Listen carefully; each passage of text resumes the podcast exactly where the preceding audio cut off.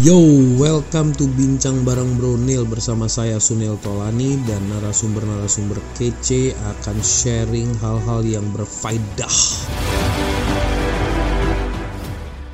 Melanjutkan cerita yang tadi, sekarang teman-teman silahkan mulai posting dah lo, bombardir pertanyaan lo, tapi yang jangan yang receh. Keren. mantap. Ini standarnya standar. Udah ngomong sama coach Standar. kayak begini, nanyanya yang yang begitu-begitu, rugi lah. Ini standarnya standar lo nih pertanyaannya ya.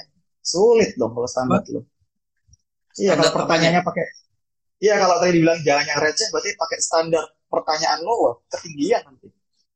Enggak lah. Maksudnya tanya sesuatu yang memang bisa benar-benar yang tadinya teman-teman itu merasa terganggu gitu loh. Jadi dapetin sesuatu. Kadang-kadang gue sendiri belajar dulu gue itu pernah ditembak sama orang yang gue nanya.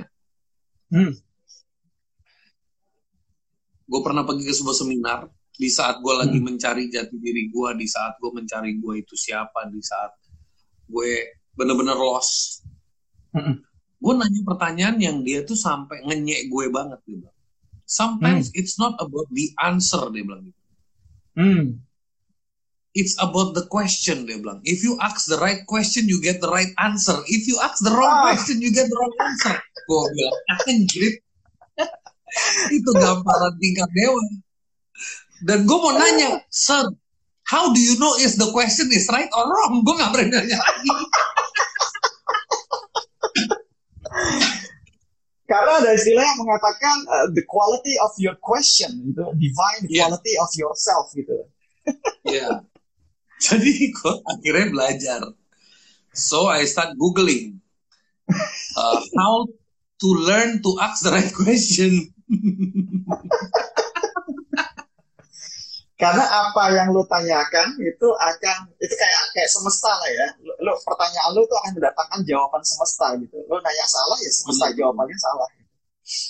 Bener bener bener banget. Oke, so kembali ke tadi yang lo bilang memasang uh, kita harus pasang reward sama punishment. Ya. Bro, kadang-kadang kita nggak punya kekuatan, bro. Kita Mhm. nggak punya kekuatan untuk stick to the reward and punishment yang kita decide. Ya. Kenapa gue ngomong ini? Karena gue menceritakan masa gue ngerokok dan berhenti ngerokok dan mulai ngerokok. Lu Biar lu tahu. Jadi gue sempat berhenti ngerokok pas temen deket gue meninggal. Hmm. Oke. Dan tanda kutip eh, dikira eh, dia meninggalnya ya karena smoking. Too much Oke. smoking. Mm-mm. So I fear, I fear of death, right? I fear of death, so I don't want to die. I will stop smoking. Three months later, I came to know it's not about the smoking, it's about something else. Terus gue mulai lagi, goblok.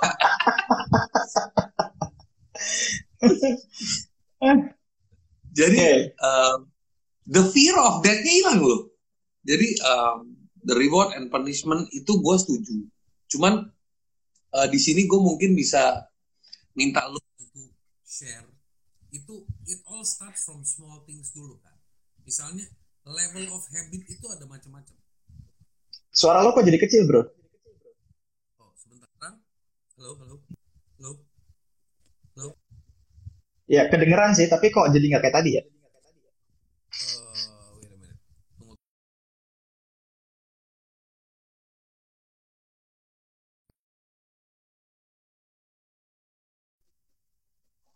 Ah, kedengeran lagi, jelas. Ya. Sorry, barusan nyokap gue nelpon. Gue barusan lihat Oh, miss call. Oke. Ya, padahal dia di bawah, gue di atas. Lucu ya, satu rumah bisa kayak begitu. Tapi udahlah. Berarti rumahnya kegedean, rumahnya kegedean itu. Kagak bro. Kan Anyway, belum tentu atasnya itu lantai dua. Kalau atasnya lantai lima ya orang males dong ke lantai lima. Oke bro. Oke, ini, ini ada pertanyaan ya. Nanti kita mulai masuk. Coba gue komentarin dulu yang lo bilang tadi ya. Gue komentarin dulu ya. Iya. Nah itu itu Iya. bagus itu. Jadi kuncinya gini. Ketika lo menciptakan reward and punishment yang itu tidak berdampak kepada orang lain, itu yang membuat akhirnya reward punishment yang kita buat itu artificial. Karena nggak Oke. ada sistem yang namanya social pressure gitu. Okay. Tapi ketika reward and punishment-nya itu ternyata punya impact bagi orang lain, orang akan terus dalam tanda kutip melakukan social pressure kepada diri kita. Oke. Okay. Gitu. Contoh sederhana adalah ketika gue mau bikin buku. Dulu gue tuh udah niat bikin buku karena semua orang bikin buku. Dan gue cuma bilang gini, oh namanya trainer harus bikin buku. Tapi kalau gue tidak membuat buku, tidak ada satupun orang yang akan tersiksa. Gitu. Okay. Dan itu membuat gue reward and punishment-nya jadi gak kuat. Tapi waktu itu gue ikut komunitas, yang komunitas itu akhirnya ada program untuk menciptakan buku dalam waktu cuma lima bulan. Nah, di program itu dibangun sistem kelompok, ada social pressure. Social pressure-nya adalah kita gabung dalam satu kelompok dan nanti ada tugas setiap hari harus kirim empat lembar halaman tulisan. Kalau sampai satu orang saja dalam kelompok itu ternyata fail tiga kali, satu kelompok dibubarin. Oh shit. Jadi artinya orang lain kena dampaknya. Nah itu ternyata efektif. Karena kita akhirnya merasa bahwa kalau kita fail yang rugi bukan kita sendiri, tapi kita merugikan banyak orang. Nah itu yang kita sebut sebagai social pressure. Gitu. Oke. Okay. Gitu bro. Oke, okay, sip. Oke, ini barusan ada pertanyaan sambil kita seling-selingin pertanyaan nih bro. Gimana, coach? Okay. Gimana caranya bisa punya strong conviction untuk tiap tiap jalan menuju goal kita, walaupun sekeliling kita sering banget mendistract fokus kita untuk bisa capai goal kita. Saya seperti jadi muter-muter aja lama-lama capek dari rapi. Ya, ya. Dan bahkan yang namanya sekeliling kita itu kadang-kadang distractionnya dari orang terdekat, yaitu keluarga. Jadi ya. uh, distraction terbesar kadang-kadang bisa datang dari keluarga, tapi motivation terbesar juga bisa datang dari keluarga. Nah, ya. sekali lagi ya, ini apa yang gue katakan mungkin terlihat abstrak, tapi most of the time ya kuncinya balik lagi ke sini yaitu tentang tergantung what you believe gitu. Lu punya purpose-nya dalam hidup lu tuh apa? Agak perlu ditarik agak jauh kepada misi hidup sebenarnya. Ketika misi hidup lu clear dan lu tahu persis di dunia ini lu mau ngapain, lu akan lakukan whatever it takes gitu. Lu akan berjuang, lu punya fighting spirit ketika lu tahu persis hidup lu tuh mau ngapain gitu. Most of the time orang itu cuma sekedar menjalani hidup hanya untuk hari ini tapi dia tidak tarik ke depan sebenarnya gue tuh kalau mati besok gue pengen diingat sebagai apa nah ini agak filosofis kan agak sudah mulai mengarah-ngarah spiritual tapi kenyataannya adalah the only way untuk kita kemudian akhirnya bisa balik ke jalur balik ke jalur adalah misi hidup nah kalau yang dalam bahasa orang sederhana adalah ketika dia akhirnya menemukan jati dirinya istilah menemukan jati diri itu adalah ketika dia tahu petnya dia, dia tahu misi hidupnya dia, dan dia bisa menjawab buat apa aku dilahirkan di muka bumi ini. Oke. Okay. Itu strong convictionnya kuat banget. Atau bisa juga dikasih contoh kayak begini kali ya, coach. Uh, misalnya gue pengen punya MacBook Pro misalnya dari misalnya okay. laptop yang PC, misalnya laptop yang lama. Terus gue jelas kenapa gue pengen punya MacBook Pro karena gue akan kelihatan keren kedua hmm. teknologinya bagus misalnya gitu ya hmm. terus hmm. ini bagus buat uh, desain bagus buat ini gue udah bikin tuh kenapa kenapanya kenapa gue mau hmm. punya dan setelah itu gue akan berjuang no matter semua orang bilang ah lu ngapain sih lu ngapain sih distraction datang dari mana pun gue akan rem karena gue tajem banget dengan gue punya goal adalah gue harus upgrade dalam tahun ini artinya gue harus uh, tabung uangnya untuk hmm. mengupgrade ke barang itu gitu. Sama juga hmm. kita kalau nge ngecetak goal yang benar-benar strongly connected to us, super strong connected to us. No matter siapa pun yang mau distract, it doesn't work. Karena kita udah hmm. benar-benar udah udah udah apa ya, udah udah attached to it gitu kan. Benar nggak sih, Bro? Iya, yeah, kalau dalam bahasa yang agak sok elegan adalah ketika why-nya tadi alasannya itu kena ke identity itu baru kuat. Mm -hmm. Oke. Okay. Di level identity atau bahkan di level value. Jadi kalau okay. itu sampai udah nembak level value atau identity, itu orang punya strongly untuk uh, potensi akhirnya dia berubah. Tapi kalau itu masih di level untuk behavior atau misalnya hanya untuk sebagai acceptance dari sekitar, itu itu itu. Tapi kalau udah sampai nyentuh it define you gitu itu mendefinisikan hmm. siapa gua soalnya dan itu sudah akhirnya masuk ke sisi value oh itu biasanya kuat banget mm -hmm. Oke. Langkah apa yang bisa lo advice untuk orang bisa uh, oke okay. pertanyaan macam apa yang bisa lo share untuk orang bisa mulai uh, ke trigger untuk getting to know what is their purpose. Ya keren banget ini. Nih, per, ini lo pertanyaan kelasnya kelas nggak receh mul. Aduh. ini pertanyaannya berat-berat ini aduh. Oke. Okay. Tapi lu suka kan? Ketika, Kalau nggak nggak merasa nggak merasa tinju sama gue. Cuman masuknya dalam hidup gue.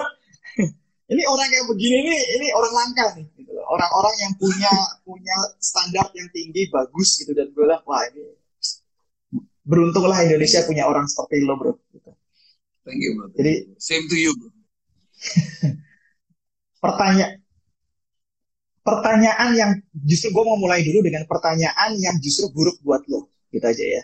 Pertanyaan yang sering kali diajukan oleh pribadi yang itu justru memperburukmu adalah pertanyaan ini. Why me? Gitu. hmm. jadi kalau lo atau kita semua nih yang dengerin ini terbiasa kenapa sih Tuhan kok saya? Kenapa kok saya harus menderita begini? Kenapa kok saya yang harus begini? Kenapa kok saya begini? Lo akan mendapatkan jawaban yang salah terus gitu Hmm. Jadi itu based on experience sekali lagi banyak orang-orang yang akhirnya selalu mendudukan posisinya sebagai korban. Why me? Hmm. Why me? Nah, hmm. ngelatih untuk berubah pertanyaan saja kepada diri sendiri itu akan mengubah banyak hal. Hmm. Jadi pertanyaannya adalah bukan why me tapi how can I? Hmm. Jadi ketika dia sudah how can I, maka dia mendudukan dirinya adalah sebagai pelaku, bukan as a victim lagi. Maka dia akan kemudian come up dengan solution, bukan terjebak dengan problem. Gitu. Maka start dengan how can I? Gitu.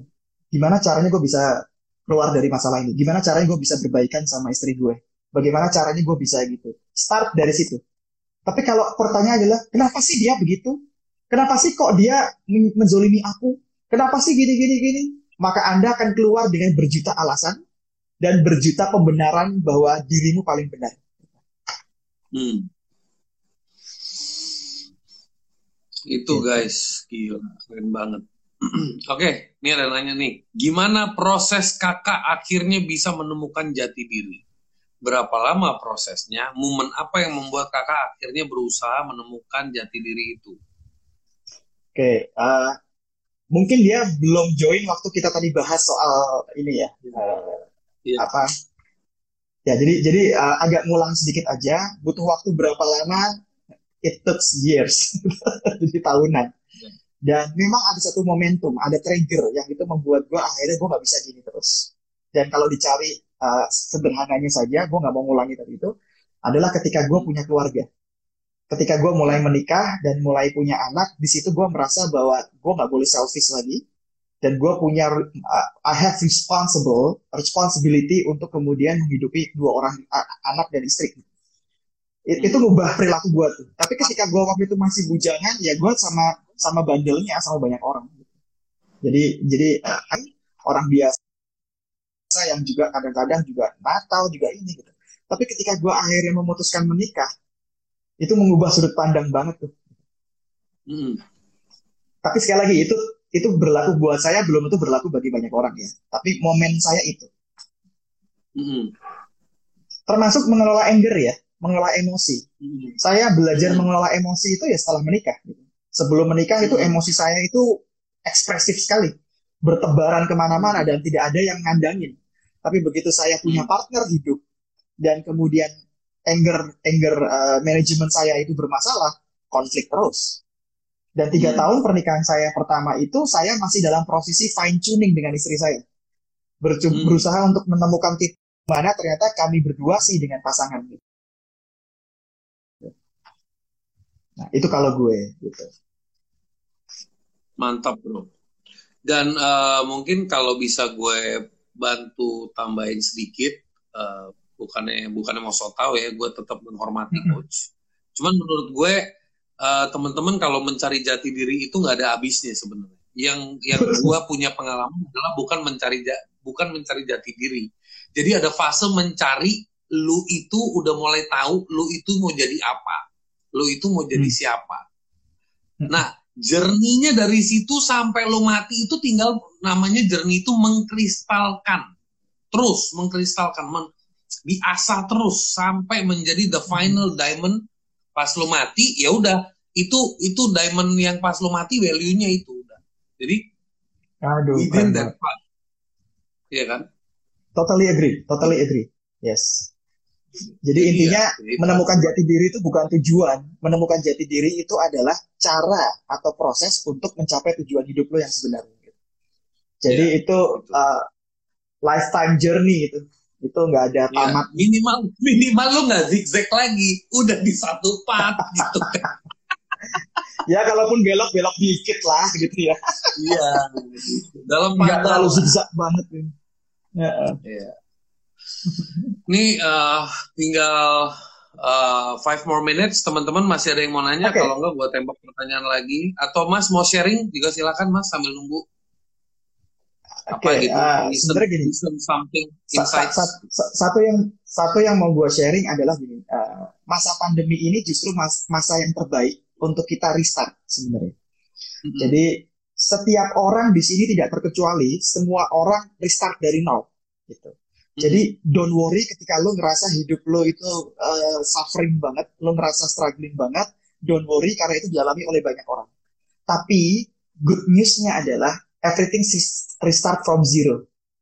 Nah, bagi siapa yang kemudian cepat beradaptasi, bagi siapa yang bergerak lebih cepat, then dia akan rule the world. Dia akan kemudian akhirnya bisa survive.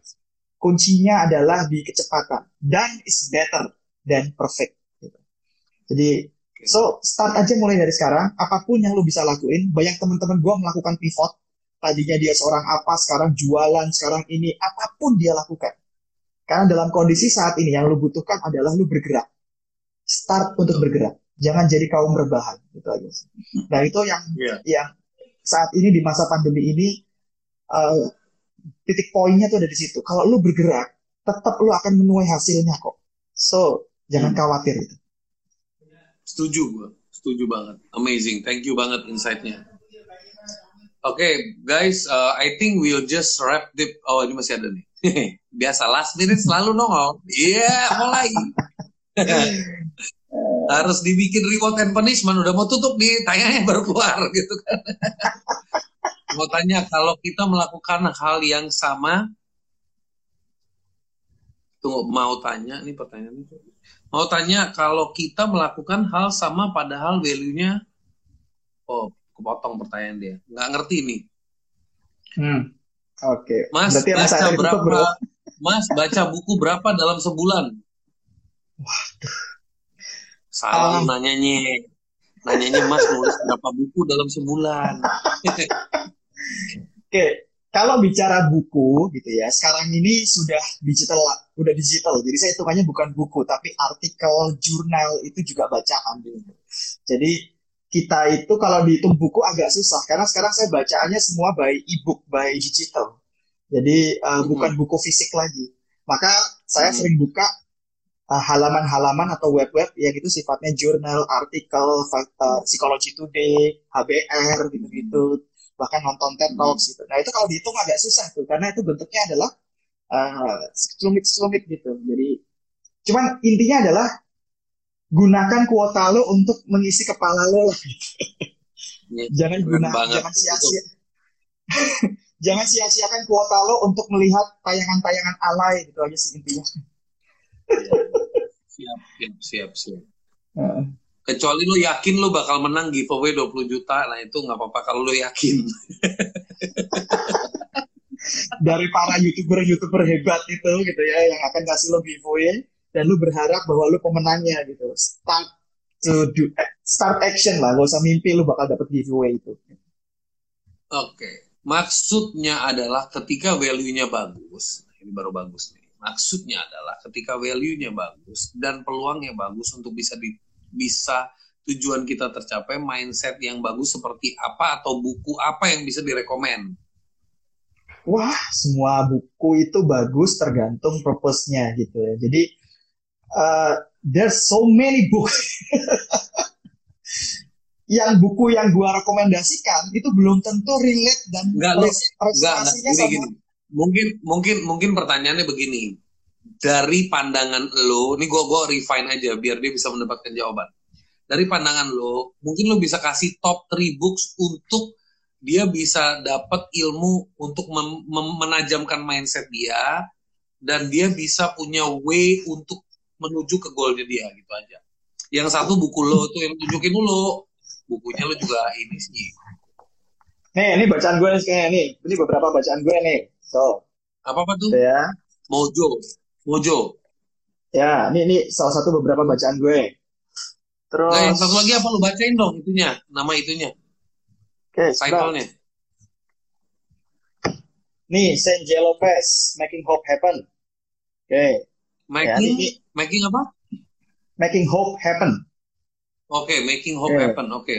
Ini ini bukan bukan bukan mengatakan buku terbaik ya. Kalau ini gue akan mengatakan ini buku yang lagi gue baca, gitu ya. Iya. Yeah. Yang kedua, what you what got you here won't get you there. Punyanya Marshall. Nih bukunya. Oh, what got you here won't get you there. Oke. Okay. Ya, ini buku-buku legend lah gitu. Terus ini Mojo, Marshall juga. Oke, okay, ya. Mojo. Okay. Nah, itu buku lo apa tadi? Teman-teman ada yang belum lihat buku lo, Bro. Coba tunjukin buku lo. Dan itu stoknya tinggal 80, jadi kalau pada mau beli tinggal DM dia. Ini Design Your Hope gitu. Iya, oke. Okay. Nah, itu itu kenapa itu top 3 gue ya karena lagi gue baca itu makanya gue taruh deket banget sama gue oke okay. tuh bos jadi lo pade kalau mau mau sukses itu bukunya taruh deket-deket jangan dijauhin terus di samping buku tempelin kertas cepeceng berapa biji dikali berapa gitu tulis kali berapa lu maunya law of attraction ya law of attraction apa yang kau pikirkan kau dapatkan. Iya. Orang kita pergi ke toko dagang, lu pernah nggak sih bro beli barang gitu sama lu bayar orangnya, terus orangnya duitnya ditepok-tepokin ke barangnya? Ada di Tanah Abang, sering itu Tanah Abang. Laris, laris, laris, laris. Iya, iya, iya. Ya. Dan gue gak tahu maksudnya apa ya, tapi mungkin sometimes it works ya. believe.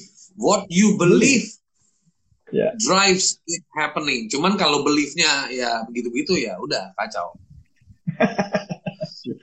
nah, jadi I believe there was a reason why yesterday it was delayed and today it became this session. There is a reason juga bro. Bisa juga yesterday if I continue with you, my energy lagi low, your energy juga lagi low. I don't know. I don't know. Kalau kemarin itu. Karena makanya tidak ada yang kebetulan di muka bumi ini kan. Benar.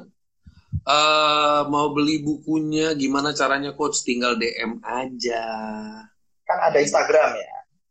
Ada Instagram. Tinggal follow follow follow follow follow follow follow follow. Oke. Okay. Um, Oke. Okay. So bro, pesan Thank penutup you. nih buat teman-teman bro.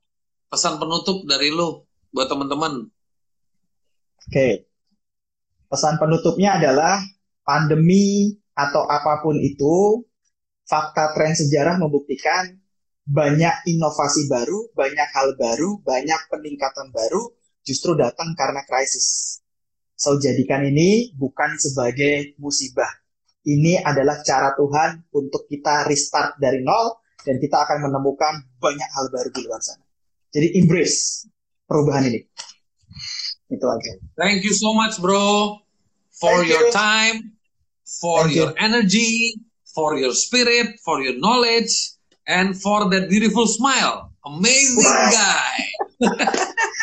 so thank you for inviting me, gitu juga ya. Dan yeah. ini sangat uh, sangat uh, bangga banget bisa ada di uh, IG-nya orang-orang hebat ini. Gitu. Thank you very much. Thank you, thank you, bro. Thank you, bro. Alright, sekian untuk episode hari ini. Ingat follow IG gue Neil Tolani stay tune terus di podcast gue semoga menjadi manfaat buat kita semua rise and shine